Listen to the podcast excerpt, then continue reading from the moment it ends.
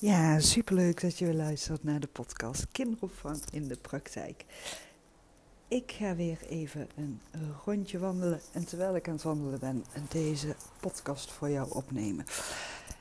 Deze keer eh, wil ik het eh, toch nog even een keertje met jou hebben over taakverdeling binnen de kinderopvang, samenwerken en ja, vooral hoe je efficiënt volgens een dagritme en behoeften van een kind kan samenwerken in de kinderopvang. Eh, zonder dat er een hoge werkdruk is en zonder dat er mega grote chaos in de groepen is. Dus wat bedoel ik met een mega grote chaos? Nou, als jij uh, s de groepen binnenloopt, alle kinderen zijn uh, gebracht en uh,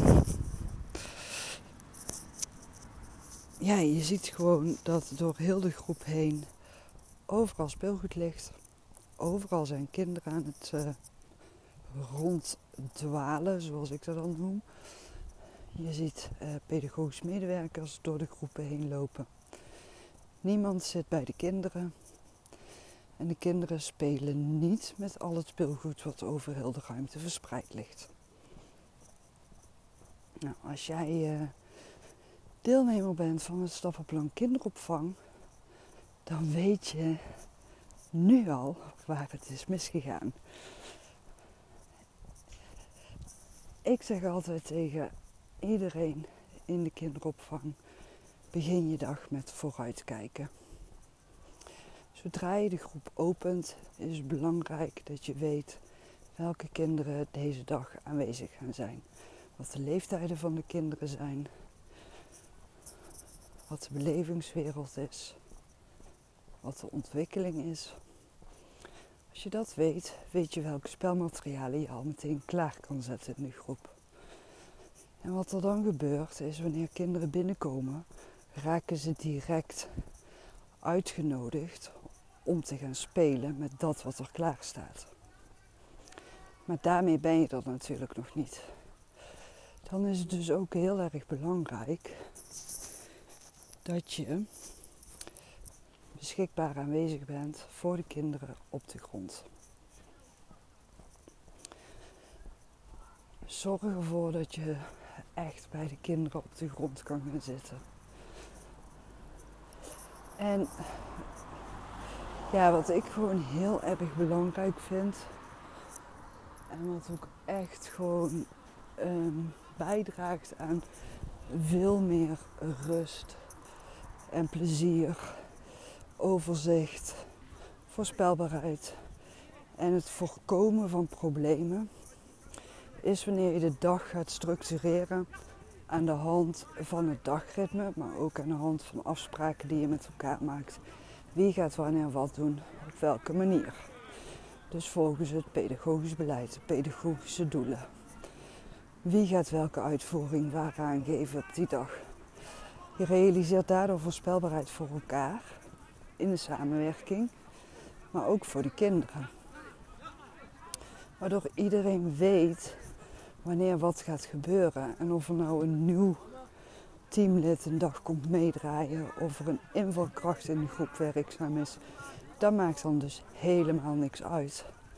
Want je bent altijd met het gehele team op een en dezelfde manier werkzaam. En dan ontstaat voorspelbaarheid voor de kinderen, waardoor ook weer rust ontstaat. Daarbij is het spelmateriaal heel erg belangrijk. Het is heel erg belangrijk dat je weet waar kinderen behoefte aan hebben.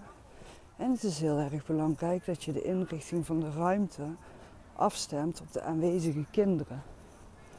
Maar ook dat de ruimte werkbaar is voor de medewerkers.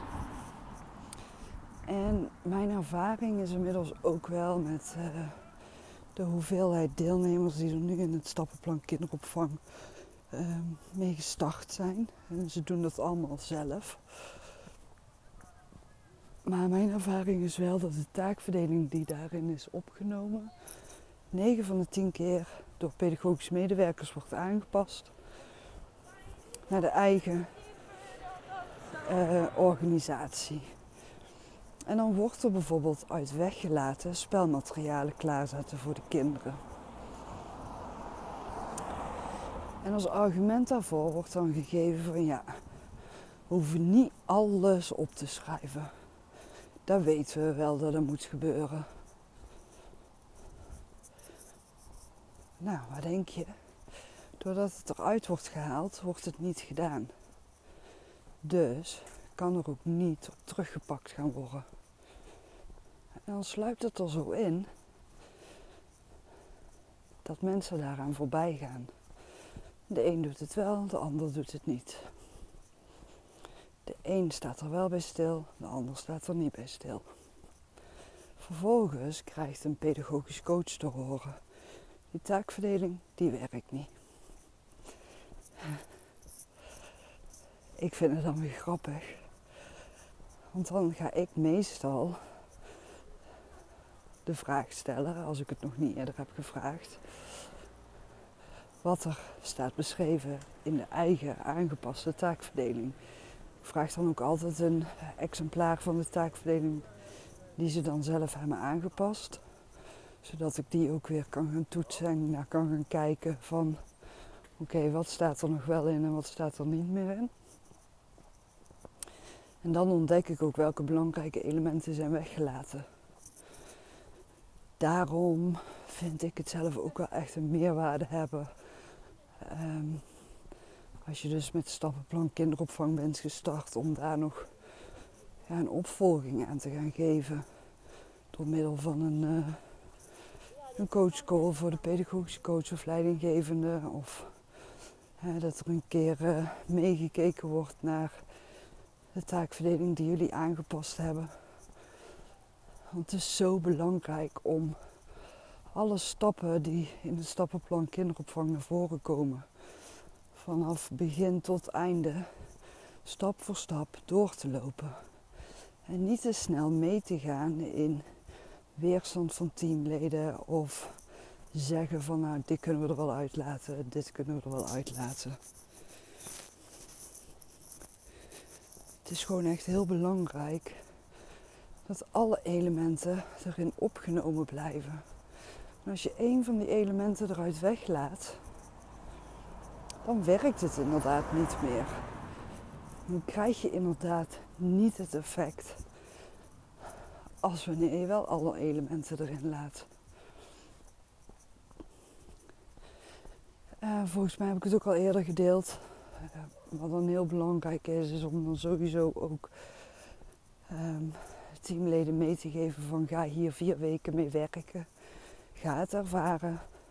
Schrijf alle notities maar op, maar er wordt niks aangepast. En dan na vier weken gaan we de resultaten bespreken. Gaan we bespreken waar je tegenaan bent gelopen. Waarvan jij denkt, dit kan anders of dit moet anders of dit is bij ons niet. Of wij vinden dat. En daar kan je dan met elkaar over in gesprek gaan. En als je dan met elkaar daarover in gesprek gaat, is het heel belangrijk om te gaan kijken, te reflecteren. Wat gebeurt er als we deze stap uit de taakverdeling weghalen? En welk resultaat bereiken we dan doordat we die stap eruit hebben weggelaten? Wat gebeurt er dan over een uur? Wat gebeurt er over twee uur, drie uur, vier uur, vijf uur, tien uur? Het heeft allemaal invloed op elkaar. Spelmaterialen hebben invloed op hoe het gaat in een groep. Waar de PM'ers zichzelf begeven in die groep heeft invloed op hoe een groep is. Hoe ze met elkaar communiceren. Hoe de ruimte wordt gebruikt hoe de ruimte is ingedeeld. Maar ook hoe er wordt omgegaan met structureren en grenzen stellen. Hoe er wordt gekeken naar de behoeftes van de kinderen. Hoe sensitief medewerkers kunnen reageren op de behoeftes van de kinderen. Um, ja, het werkt allemaal in elkaar door. En als jij denkt van ja, waarom moeten we beginnen met uh, wat zijn de doelen van de organisatie? Dat is helemaal niet belangrijk. toch is dat ook belangrijk. Als je daar niet met elkaar over in gesprek gaat, dan zal je ook ervaren dat er een eigen werkwijze ontstaat en het pedagogisch beleid niet zichtbaar wordt vertaald.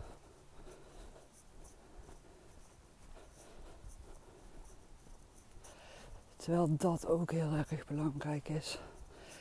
En dan hoor ik ook heel vaak in een teamoverleg of uh, in zo'n studiedag dat mensen zeggen van ja, bij ons in het beleid staat uh, veiligheid en vertrouwen voor het kind is heel erg belangrijk.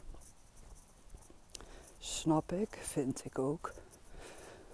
Maar wat is voor ieder teamlid apart veiligheid? Wat betekent dat?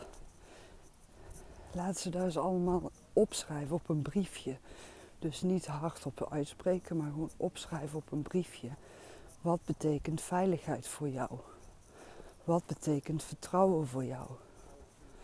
En wat betekent het vanuit de organisatie gekeken? Dus hoe kijkt de organisatie tegen veiligheid en vertrouwen aan? En leg dan al die briefjes eens op tafel en ga eens kijken wat er allemaal op staat geschreven. Is dat allemaal hetzelfde? Geeft iedereen dezelfde uitleg daaraan? 9 van de 10 keer niet. Dus dan heb je ook weer een mooi gespreksonderwerp om over in gesprek te gaan met elkaar en om te gaan ontdekken van oké, maar welke invulling willen we hier aan gaan geven? Wat verwachten we dan van elkaar? En ook dat is dus weer heel erg belangrijk om dat van elkaar te weten en dus te bespreken. Dus ja, ook die doelen, ook die missie van een kinderdagverblijf zijn heel erg belangrijk om daarmee te starten. Vanuit het stappenplan kinderopvang geef ik je daar dan dus ook die werkboeken voor mee. En dan kan je er dus ook op die manier stap voor stap mee gaan werken. En dat is niet in één dag gerealiseerd. Nee, dat is echt een investering die je gaat doen samen met je organisatie, de hele organisatie, samen met het team. Het is niet één iemand die daarmee gaat werken. Je gaat echt samen met elkaar de antwoorden vinden. En de antwoorden gaan jullie met elkaar vertalen naar de dagelijkse praktijk. In die groepen, met die kinderen. Daar draait het om. En als je daar met elkaar over op één lijn kan komen te zitten en met elkaar investeert in wat zijn nou de doelen, waar hebben die kinderen nou behoefte aan, welke spelmaterialen kunnen we wanneer aan wie aanbieden. Bijvoorbeeld in een verticale groep ga je weer hele andere spelmaterialen klaarzetten dan in een horizontale groep. Kijk, baby-peuter groepen, dat is natuurlijk vanzelfsprekend dat je een heel ander aanbod neerzet. Maar in een verticale groep, hoe vaak wordt er stilgestaan bij het aanbod in die groep? In een gemengde BSO-groep, hoe vaak wordt er stilgestaan bij dat wat er wordt aangeboden aan de kinderen? Ook dat is belangrijk. En ja, in alle groepsvormen vind ik het belangrijk, maar zeker zo belangrijk in verticale groepen. Um, en dus ook de BSO bedoel ik daar dan mee. Dat er wordt gekeken naar hoe is de inrichting van de groepsruimte. En wat doet die inrichting van de ruimte en uh, de verdeling met de kinderen. En dat je daar ook bij stilstaat. En kijkt van welke uh, hoekjes hebben we allemaal. En hoe staat het speelgoed daar in die hoekjes neergezet? Zo vaak zie ik dat er echt gewoon superleuke hoekjes zijn, maar er staat gewoon helemaal geen speelgoed in. Er staat gewoon een dichte kast opgeborgen. Ja, dan denk ik echt, ja, kijk leuk, maar hoe moeten die kinderen dan weten wat ze hier moeten gaan doen? Of wat ze hier kunnen gaan doen, of wat kunnen ze hier gaan ontdekken? Dat ziet een kind dan niet. Dat is natuurlijk hartstikke jammer. Dus ehm, ja, ook heel goed om daar dus naar te gaan kijken. En ja, de behoeftes van de kinderen. Waar hebben kinderen nou eigenlijk behoefte aan? Welke dagritmes hebben de kinderen? Welk dagritme heeft het kinderdagverblijf? En hoe kan je dan efficiënt die taken gaan verdelen? En daarna ga je ook echt met elkaar continu reflecteren op alles wat je bent gaan doen. Alles wat je met elkaar bent gaan ontdekken en ervaren en bespreken. Steeds weer blijven reflecteren. En hoe meer je gaat reflecteren, hoe meer je ook weer. Ja, je gaat gewoon steeds meer een soort van alles door een zeef heen gooien en ontdekken van oké, en dit gaat onze werkwijze zijn. Op deze manier kunnen wij het pedagogisch beleid vertalen met pedagogische kwaliteit in de dagelijkse opvang binnen de groepen. Waardoor de kinderen zichzelf veilig, vertrouwd en begrepen voelen. En rust is in de groepen, plezier is in de groepen, voldoende aandacht voor de kinderen, PM'ers die gewoon iedere dag bij de kinderen beschikbaar aanwezig kunnen zijn, samen met de kinderen kunnen spelen, rustig de kinderen uit bed kunnen halen, in bed kunnen leggen, de fles kunnen geven, bewust zijn van dat ze een kind op hun arm vast hebben, daar bewust bij aanwezig zijn in het moment. En dat is allemaal zo belangrijk. En al die dingen die ik nou benoem is allemaal opgenomen in een hele praktische taakverdeling. En daarin komt het hele stappenplan in samen aan het einde van de zeven stappen. En dan heb je echt een werkdocument waarmee je echt in de praktijk samen gaat werken. Alles is heel helder gestructureerd. Waardoor je dus die voorspelbaarheid in de dagen realiseert. In de samenwerking en voor de kinderen. Dus ook voor de ouders. Klanttevredenheid stijgt, want de kinderen zijn tevreden. Tevredenheid van je personeel stijgt, want ze hebben het minder druk, minder zwaar. Ze genieten veel meer. En dan gaan ze uit zichzelf reclame maken voor hun fijne werkplek. Waardoor je gewoon ook weer veel makkelijker nieuwe teamleden kunt gaan aannemen. Want dan ga je gewoon open sollicitaties ontvangen. Het gaat als een lopend vuurtje rond. Hoe mooi en hoe fijn alles is ingericht bij jullie. Hoe mooi en hoe fijn de spelmaterialen zijn. En hoe mooi en hoe fijn het werk is. En hoe tevreden de ouders zijn. Hoe tevreden de kinderen zijn. En dat betekent echt niet dat er nooit niks tegen kan zitten. En dat betekent ook niet dat er nooit geen kinderen in de groep zullen gaan huilen. Nee, natuurlijk wel. Het zijn kinderen en blijven, blijven ook kinderen. En kleine kinderen blijft flexibel en creatief kunnen schakelen. Maar juist doordat je zoveel structuur hebt aangebracht in de dag, kun je ook veel makkelijker flexibel en creatief gaan schakelen daar is gewoon de gelegenheid voor. Juist door de structuur. Juist door de structuur ontstaat er meer tijd. En ik weet dat hier heel veel mensen heel allergisch op reageren. En vanuit weerstand op reageren. En toch is het dan de kunst om die weerstand om te gaan zetten in ontwikkeling. Door positieve ervaringen op te laten doen. Door mensen uit te nodigen, door mensen te betrekken door te vragen naar de bezwaren. En door te kunnen vragen naar de bezwaren. Heb je al eens een keer met die taakverdeling gewerkt? Wat heb je nodig om ermee te kunnen gaan werken? En misschien moet je het gewoon in kleine stukjes op gaan delen. Vandaag werk je gewoon vanaf het openen tot 10 uur volgens de taakverdeling. Schrijf je ervaringen maar op. Rest van de dag mag je het weer loslaten. En dan de volgende dag werk je van 7 tot 12 volgens de taakverdeling. Daarna mag je het weer loslaten. Schrijf maar op welke resultaten je hebt ervaren. Ga je het op die manier opbouwen.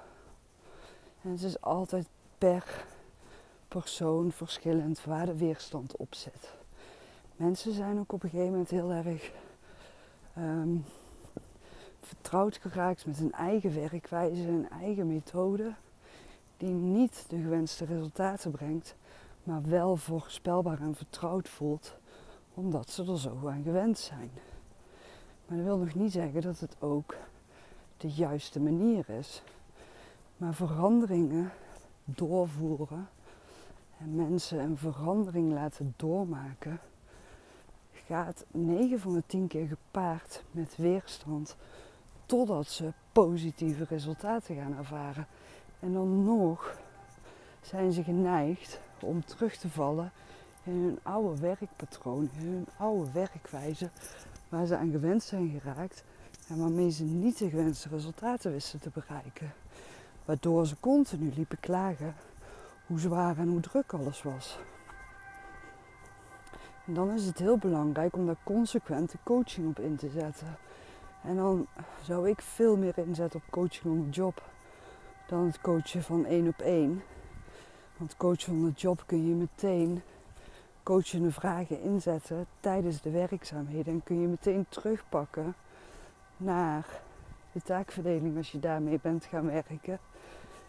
En daar dus vragen over gaan stellen als je dus signaleert van hé, hey, wat is de reden dat je nu op dit moment dit, dit en dit aan het doen bent? Hoe komt het dat je op dit moment dit, dit en dit aan het doen bent? En dan luister je naar de uitleg en dan reflecteer je terug naar die taakverdeling.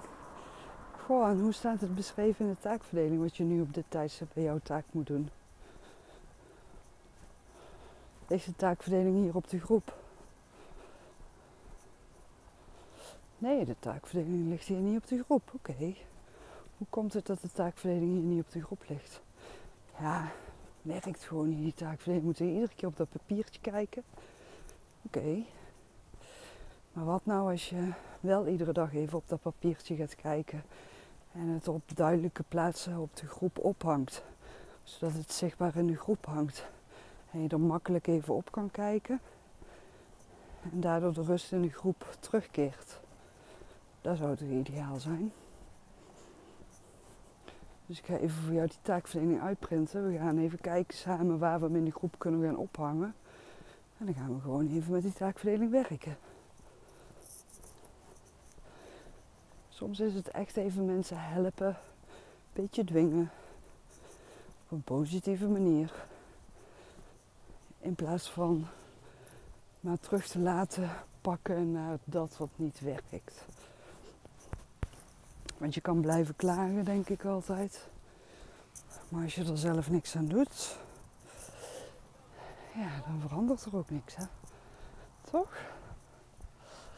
Nou, ik hoop uh, dat je hier uh, weer mee vooruit kan.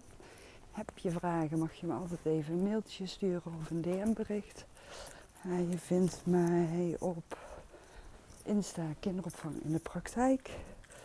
Of via de mail suzanne.gewoonsuzanne.com En ik vind het ook altijd super leuk als je mijn podcast zou willen delen een review zou willen geven via Apple Podcast of via iTunes, kan ook. Ehm, en als je de podcast deelt, dan vind ik het ook super leuk als je mij daarin tagt. Kinderopvang in de praktijk. Of Suzanne Akkermans, dan weet ik ook dat je naar mijn podcast luistert. En dat vind ik onwijs leuk. Maar daarnaast kunnen we dan ook het bereik vergroten voor de kinderopvangprofessionals, zodat iedereen de podcast kan ontdekken. Nou, ik ben weer thuis. Ik heb even lekker snel rondje gewandeld. En uh, ik wens jou een fijne avond, fijne dag. En tot de volgende keer weer. Doei doei.